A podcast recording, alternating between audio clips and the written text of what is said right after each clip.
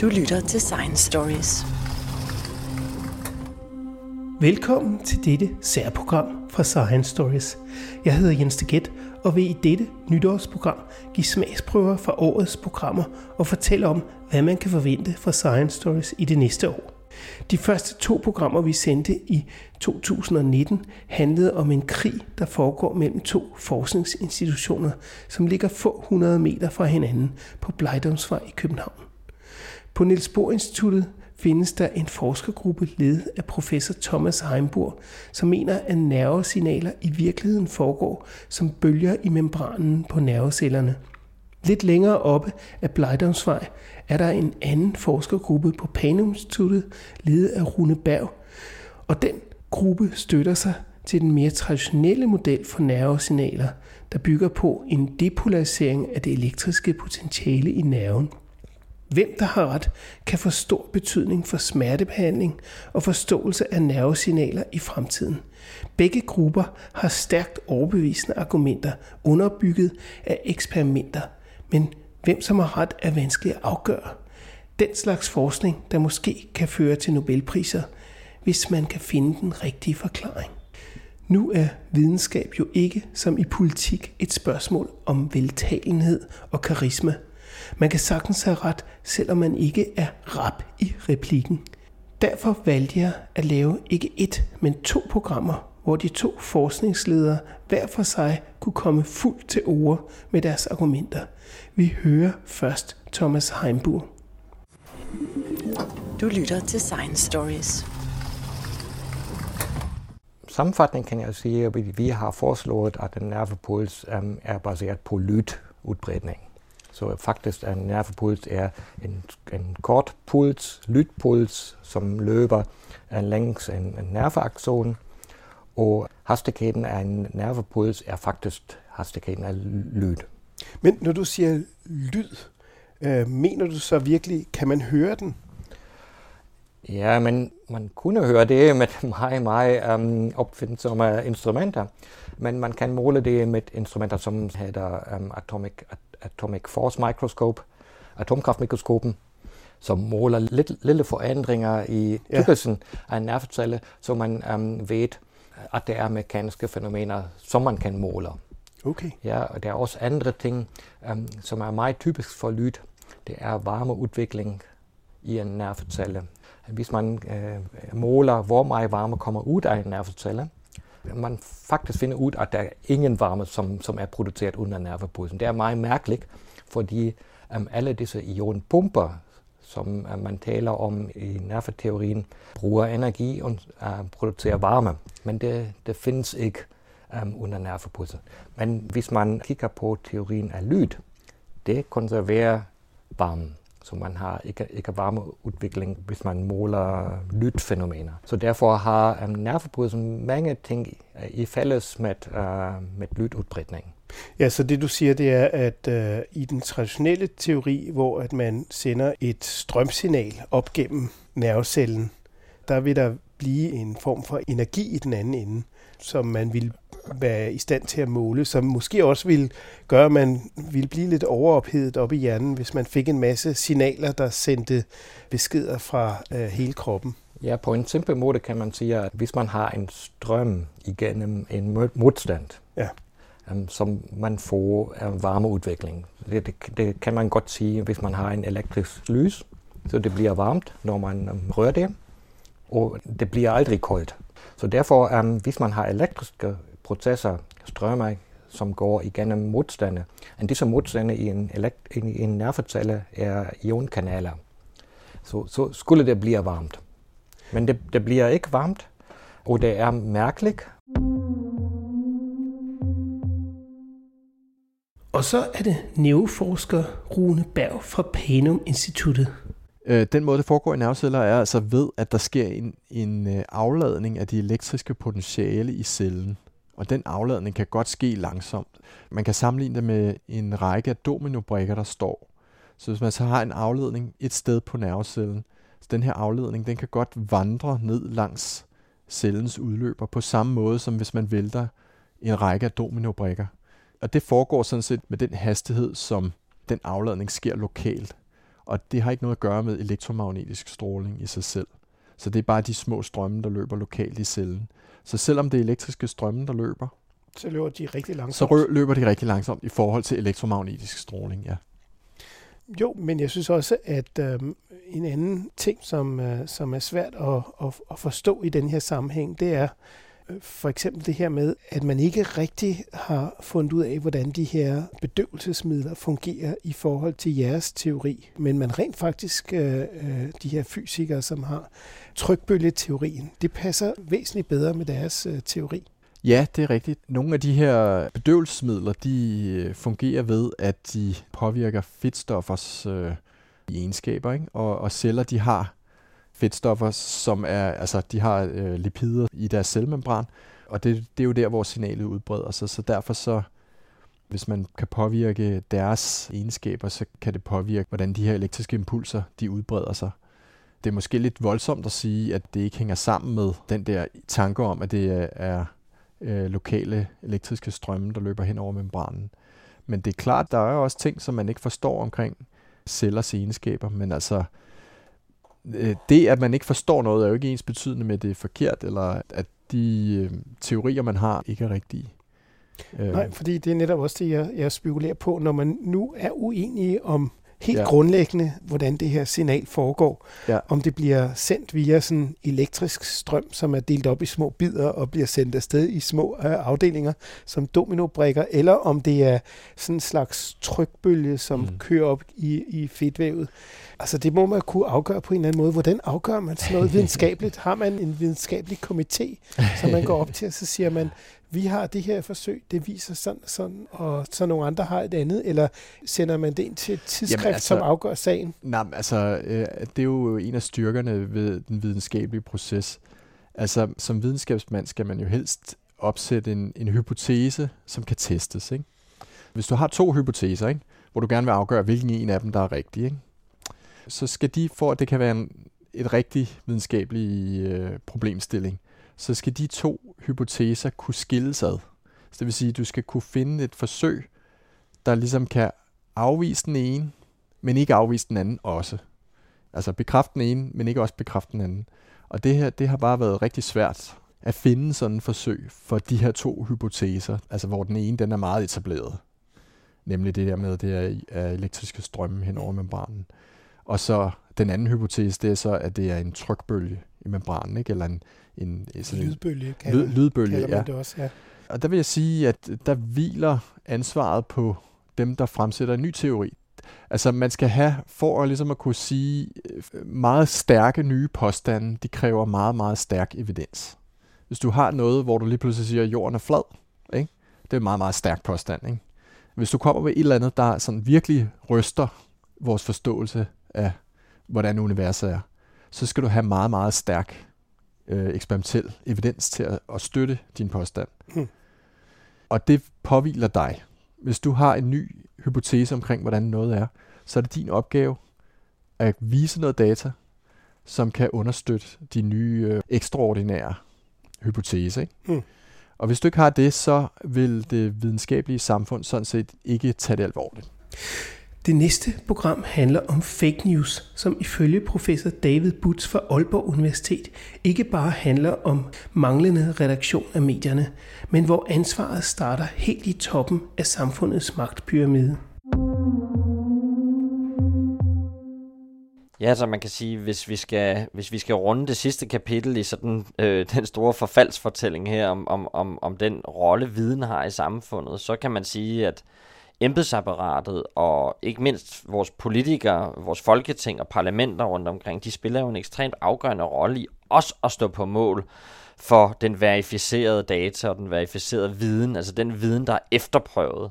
På den måde minder igen embedsapparatet, og som du selv siger, fagligheden i embedsapparatet, sandfærdigheden, øh, fagkundskaben i embedsapparatet minder jo lidt om igen den videnskabelige og den journalistiske metode. Det her det er vidensinstitutioner, det er institutioner, vi er nødt til at have tillid til indsamler viden og systematisk underkaster viden, data, øh, forskning analyser, konsekvensberegninger, en meget afgørende efterprøvning. For ellers kan vi ikke have tillid til dem. Hvis alt bare var et spørgsmål om at styre befolkningen ud fra en propagandamaskine eller ud fra mavefornemmelser, vil vi jo angiveligt slet ikke leve i et demokrati så ville vi leve i sådan et emoji-krati, hvor alt bare handlede om følelser og om, hvem der kan vinde den ene dagsorden fra den ene dag til den anden. Og hov, nu kommer jeg måske til at tale om noget, der faktisk lyder genkendeligt, nemlig at det, der er sket i reformerne af den offentlige sektor, er jo netop, at man ikke bare har ansat flere og flere kommunikationsmedarbejdere, de såkaldte spindoktorer, men man faktisk også har skabt en ny generation af embedsmænd, der i en eller anden udstrækning ikke har til formål at fremstille dyb faglig viden om deres ressortområde, altså deres politikområde, men har til opgave at forsvare en ministers interesse. Mm. Og hvad det betyder er jo grundlæggende, at fra at være faglige styrelser og ministerier, der skulle tilvejebringe vidensgrundlag om effekter og konsekvenser ved ført politik, så er man blevet det, man kalder politikformulerende eller politikudviklende selv – og det vil sige, at embedsapparaterne i nogen udstrækning har overtaget rollen som skaber af ideologi, eller i hvert fald som viderebringer eller formidler af ideologi. Og det gør, at de nogle gange jo kommer til at se, ses igen som partshavere. Så i stedet for at ses som uvildige embedsmænd, tjenestemænd, der tjener befolkningens interesser, så er der mange eksempler, ikke mindst for nyligt, hvor embedsapparatet tager politikernes parti, tager ministerens parti, og dermed skaber en måde at bedrive offentlig embedsførelse på, der kan ses som mere eller mindre problematisk, eller fordækt, eller mere eller mindre politisk, altså politiseret. Og så skal vi videre til noget helt andet, nemlig havbunden i Aarhusbugten, hvor bakterier har lavet et tæt netværk, som kan distribuere elektriske signaler, energi og ilt ned i havbunden – der foregår spændende ting dernede, og det er kun ganske nyligt, at forskerne har fundet ud af, hvad bakterierne har gang i. Vi skal ud og finde nogle af vores kære kabelbakterier. Det er dem, vi allerhelst arbejder med på centret. Vi skal ud og finde nogle kæmpe lange bakterier med elektriske ledninger i. Ja, det er nogen, I selv har opdaget i sin tid? Ja, ja det er det. Øh, og vi opdagede dem her i Aarhus Bugten for øh, snart, snart 10 år siden. Og stadig så forstår vi ikke, hvordan det kan lade sig gøre, at der kan leve sådan nogle kæmpe bakterier med elektriske ledninger. De, de er der, de er meget aktive. Der er mange af dem, som vi nok vil se om lidt.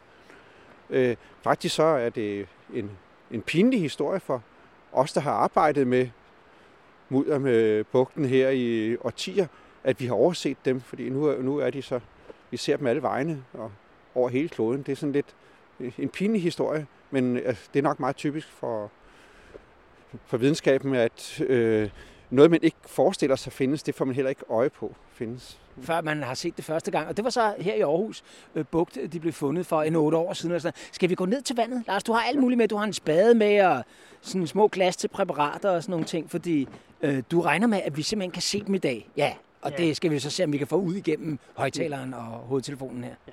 Det, det vigtigste, jeg har med, det er sådan en, en øh, en hvid bakke, en stor hvid tallerken og, og øh, en plastik teske.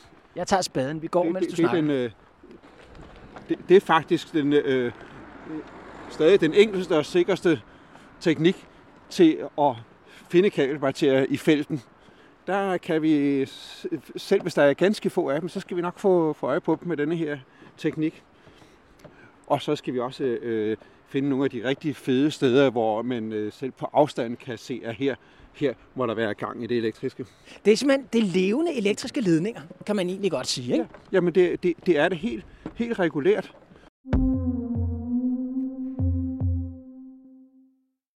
Vi skal videre til fysikeren Ulrik Ugerhøj fra Aarhus Universitet, som forklarer, hvad tid er, og hvorfor det er vigtigt, at tiden har en vis udstrækning.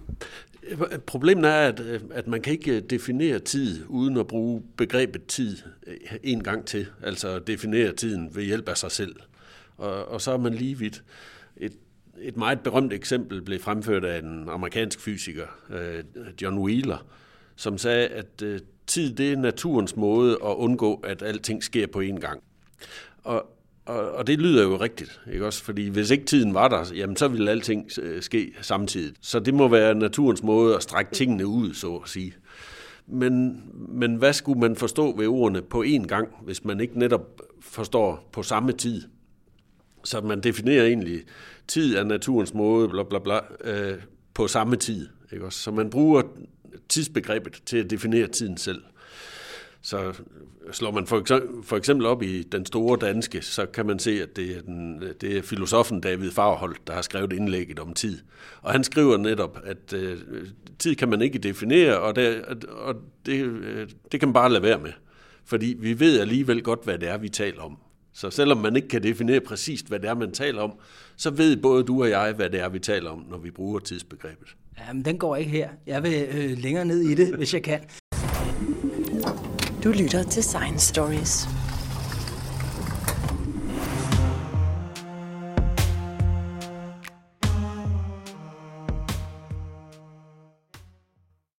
Så skal vi videre til et program med titlen Klodens virkelige tilstand, som har langt over 1000 podcastlyttere. Programmet med professor Rasmus Fensholt fra Institut for Geovidenskab og Naturforvaltning ved Københavns Universitet handler om satellitovervågning af jordkloden med forskellige fintfølende instrumenter, som blandt andet har vist, at ørkner mod al forventning ikke breder sig, men er begyndt at blive grønnere. Det betyder dog ikke, at tørke er holdt op med at være et stort globalt problem. En anden myte, som har vist sig at være en myte, ved jeg, det er, og det har jeg hørt siden jeg var barn jo også, og det må du gerne fortælle om, hvorfor jeg har hørt det, det er, at ørkenerne på jorden spreder sig. Sahara for eksempel spreder sig sydover. Der bliver mere og mere ørken. Hvordan går det med det, og hvad kan I se fra jeres satellitter? Ja, der har vi jo øh, overraskende for mange fundet ud af for, for nogle år siden, at, øh, at jordens tørre områder, de her ørkenområder, øh, de bliver faktisk grønnere, og de er blevet grønnere over de øh, forgangne 10, 20, 30 år. Øh, og det hænger måske lidt sammen med, eller grund til det er overraskende, kan man sige, det hænger måske lidt sammen med, at, at, øh, at vi er vokset op med en, øh, med en forestilling om, at, at klimaændringer og ørkenspredning på en eller anden måde hænger sammen. At, at de to ting er koblet med hinanden. Men det er faktisk ikke tilfældet. Det er sådan, at, øh, at når vi kigger på de sidste 30 års satellitbilleder, så er der blevet øh, markant grønnere i, øh, i store øh, dele af, af jordens tørre områder. Vi har haft specielt fokus på et område, i, der hedder Sahel, som øh, dækker alle de lande, der ligger mellem øh, Sahara i Afrika og den øh, og regnskoven i det tropiske Afrika. Det er et rigtig tørt område, og der bor øh, flere hundrede millioner mennesker i det her område syd for Sahara, og, øh, og det kom på øh, tapetet i, tilbage i 80'erne, hvor at, der var nogle gevaldige tørkeår i det her område, som gjorde, at der var hungersnød, og der var øh, rigtig, rigtig mange millioner mennesker, som led under de her forhold. Og øh, det var... Simpelthen fordi, at de kommer til at mangle vand til deres afgrøder osv. Høsten slår fejler, når det sker 3-4 år i træk osv. Så, videre. så har folk simpelthen ikke mere at spise. Så har de ikke mere at spise, og, øh, og en stor del af de mennesker, som øh, lever i de her områder, de øh, er det, vi kalder pastoralister, og det, det, det er sådan lidt en, en afart af, af nomader. Det betyder, at de vandrer rundt med deres kvæg. Øh, og kvæget skal jo have noget at spise, og når der ikke er noget græs at spise, fordi at, at øh, regntiden har svigtet, øh, ja, så går det galt i, i sådan et område. Det næste program handler om musik og hvordan det påvirker hjernen. Professor Peter Wust fortæller om den nyeste hjerne- og musikforskning, som går hånd i hånd på Center for Music in the Brain på Aarhus Universitet. På Aarhus Universitet arbejder 41 hjerneforskere med at forstå vores forhold til musik – Center for Music in the Brain ledes af Peter Wust, der for uden at forske i hjernen og musik, også er jazzbassist og professor på Rytmisk Musikkonservatorium i Aarhus. Han har længe gået og grublet over, hvad vores forståelse af musik fortæller om den menneskelige hjerne og hvordan den arbejder. Jamen, altså det interessante ved musik, det er, at musik øh, er bygget op om forventninger først og fremmest. Så øh, nu har jeg undervist i musikteori på konservatoriet i mange år, og grundlæggende så er det meste af det, som vi, øh, vi underviser i, i musikteori, det handler om forventninger, altså at man opbygger nogle forventninger i musikken. Hvis jeg nu synger for eksempel ba, ba, da, da, da, ba, så vil din hjerne forhåbentlig sige ba, yeah. ellers så skal vi have gjort noget, så skal vi have set på den. Men øh, øh, så musik handler utrolig meget om forventninger øh, faktisk på en måde, som mange musikstykker Øh, det, det er faktisk hele indholdet af, af, af, af musikken. Øh, øh, det, at man forsøger at opbygge de her forventninger, så leger man med vores forventninger. Og det interessante ved det, det er, at i de senere år, så er der fremkommet nogle teorier om, hvordan vores hjerner fungerer, som går ud på, at øh, hjernen, altså det, vi mener, at det som hjernen gør, det er, at den forsøger hele tiden at opbygge en model for, hvad der skal ske lige om lidt. For det betyder faktisk, at hvis den kan det, så øh, kan den nøjes med at øh, behandle det, som ikke passer til den model, den har for, hvad der skal ske lige om lidt. Altså, som når jeg nu siger ba ba da da da ba, så har vi en model, der siger, at det skal sige ba med 80% sandsynlighed. Men hvis jeg så siger ba ba, så siger hjernen, hov, hvad skete der der? Det skal jeg enten passe på, det kan enten være farligt for mig, eller jeg kan måske lære noget af det.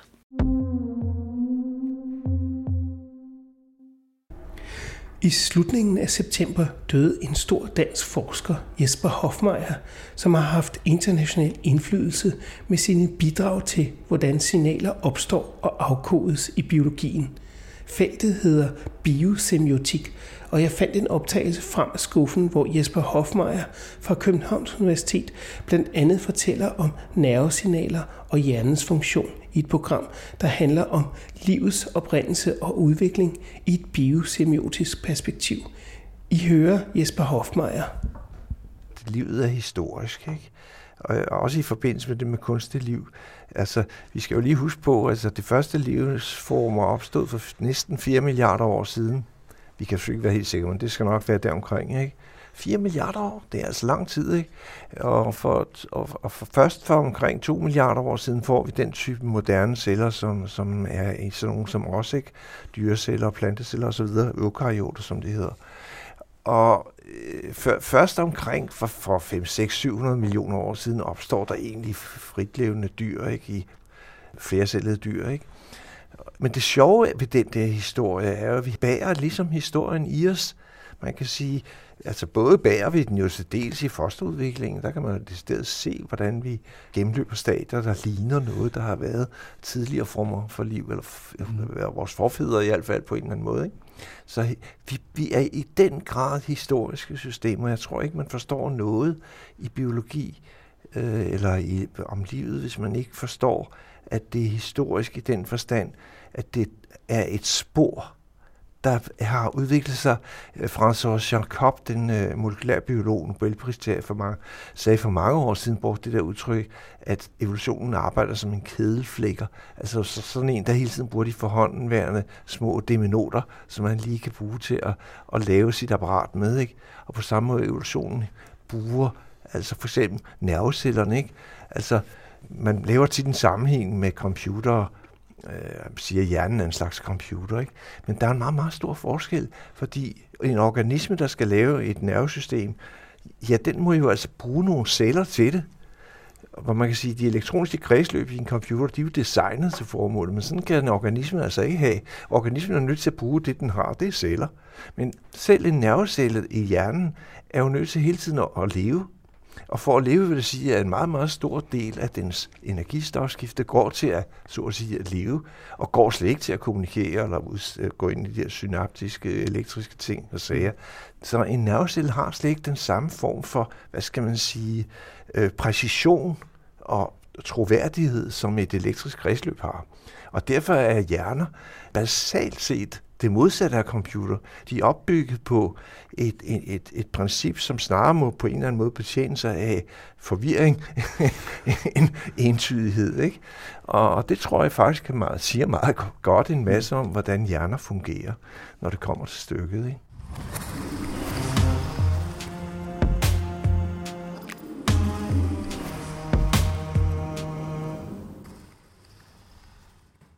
En af de mest engagerede fortællere, jeg har mødt i årenes løb, er uden tvivl Reinhard Møberg Christensen, som her fortæller om sin egen opdagelse af en helt ny dyrerække, korsetdyret. Men ellers så ligger mine nye dyregrupper, de ligger inden for den størrelseorden. De hører til det såkaldte myofauna, kalder man det øh, på latin. Så det er altså bitte små dyr, der lever i sedimenter, og de fleste af dem, jeg har arbejdet med, er marine dyr.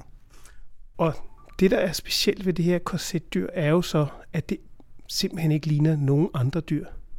Nej, de er jo helt fantastiske. Altså først troede vi jo, at larven, vi havde fundet der, øh, som den første i hammelslave, at det var den voksne dyr. Og den næste, der blev fundet under Eastwoods ekspedition i USA, den kom så til Higgins-larven, fordi det var professor Higgins, der havde fundet den. Vi troede stadigvæk, at det, det var den voksne, og så den sidste dag, jeg var i Roscoff i 82, inden jeg blev ansat af den amerikanske regering i Washington D.C., så fik jeg en fantastisk flot prøve dernede af skalgus. Og hvad, hvad er spændende med skalgus? Jo, det er det, man får hønsen med dernede, så folk vidste lige præcis, hvor det skalgus var. Uh, og jeg tog ud der og fik en kæmpe prøve, og så, hvad skulle jeg gøre med 500 kilo? Det kunne man jo ikke nå at få kigget igennem. Så tænkte jeg, jeg kan gøre det, som jeg gør på Grønland. Færdsvandschok det hele. Altså, hvis når en isbjerg vælter i Grønland, så kan man se, at alle dyrene kommer op til overfladen. De kan ikke tåle færdsvand, for de er marine. Og det gjorde jeg så, og så pakkede jeg det hele ned, og Uh, to måneder efter, så åbnede jeg mine prøver, altså Smithsonian Institution i Washington D.C., og så fandt jeg hele livscyklen i en enkelt prøve. Altså, så har jeg gået der næsten i 10 år og arbejdet, og så øh, for få timer vidste jeg, hvordan livscyklen så ud. Og jeg var jo helt chokeret, fordi de voksne så jo helt, helt anderledes ud. De var meget mere komplicerede. De havde en masse børste, vi kalder det for skalider, men det er dem, de hopper med, og sådan noget kan bevæge sig. Der er muskler der hele. Og vi snakker om et dyr, der stadigvæk er kun cirka 300 my. Fordi den har en masse tentakler, og den kan bevæge dem. Ja, det er jo helt fantastisk. Der er ikke andre dyr, der kan det. De har muskler ud til deres såkaldte skalige tentakler, og på den måde kan de hoppe og springe og sådan noget. Og vi har jo flere videoer af den, Mike, og der er også en udsendelse her, der han så korsetdyrene hoppe, så hoppede professoren også, ikke? men det er, det er en dårlig vits. Jeg hoppede ikke, da jeg så det. Du lytter til Science Stories. Til sidst skal vi høre professor Catherine Richardson, som i vores Science Salon fortæller om sin store forelskelse, som nok kan slå benene væk under de fleste. Det kan være, du skal fortælle, hvad det er, du er forelsket i. Ja, men og han må hellere starte med min mand. Ja, Ellers ja, går det galt.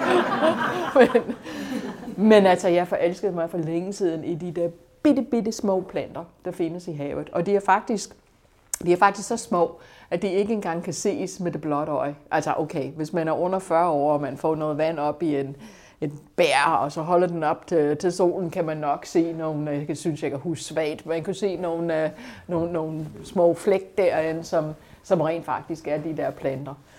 Men fordi de er så små, og vi ikke rigtig kan se dem, så har vi en tendens til at sige, at ja, de er alle sammen. Altså, de, de, de, de er bare inde i en kasse, og vi kalder dem, vi kalder dem for fytoplankton, altså de der små planter. Men øhm, de er faktisk mere forskellige fra hinanden, end alle de planter, vi har på, på landjorden. Man kan sådan rent populært sige, at på et tidspunkt var der en plant, der kravlede op på landjorden, og alle de planter, vi har i dag, som vi ser herude, de er fætter og kusiner af hinanden.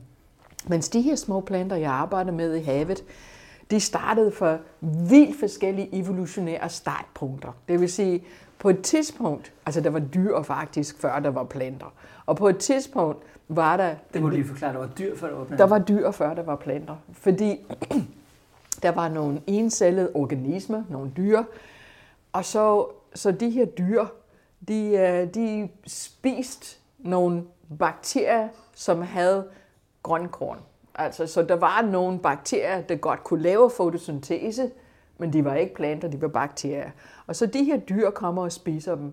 Og så de finder ud af, at de har det godt sammen. Altså, det, altså planten eller bakterien kan bruge, uh, bruge det stoffer, som dyr laver, og, og, og dyret kan i hvert fald bruge det, den kulstof, som grønkorn fixerer. Så de starter en helt ny linje, kan man sige. Og så, øh, så sker der en anden gang med en anden, anden bakterie med et andet dyr, og så kommer der en tredje dyr og spiser en af de første, og starter en, en endnu en. Så de er meget, meget forskellige. Og, og det, altså, vi ved jo alle sammen, at det gør enorm forskel, altså om du har en, en, en bunke brændmidler, eller du har en, en tropisk regnskov, eller du har de store skovfyre. I, i, altså, vi ved, at økologien og den måde, at kulstof bevæger sig rundt, er meget, meget forskellig, hvis man har forskellige planter. Og det samme gælder selvfølgelig også i havet. Og størrelsen på dem, selvom det er alt sammen meget små, og for os er Altså, størrelsen, størrelsesforskel, hvis du siger som rum, altså, altså volumenindhold, altså rummelig indhold af dem, fra det mindste til de største, er faktisk større end forskel mellem en mus og en elefant. Og hvem vil tro, at mus og elefanter indgår i fødekæden på samme måde?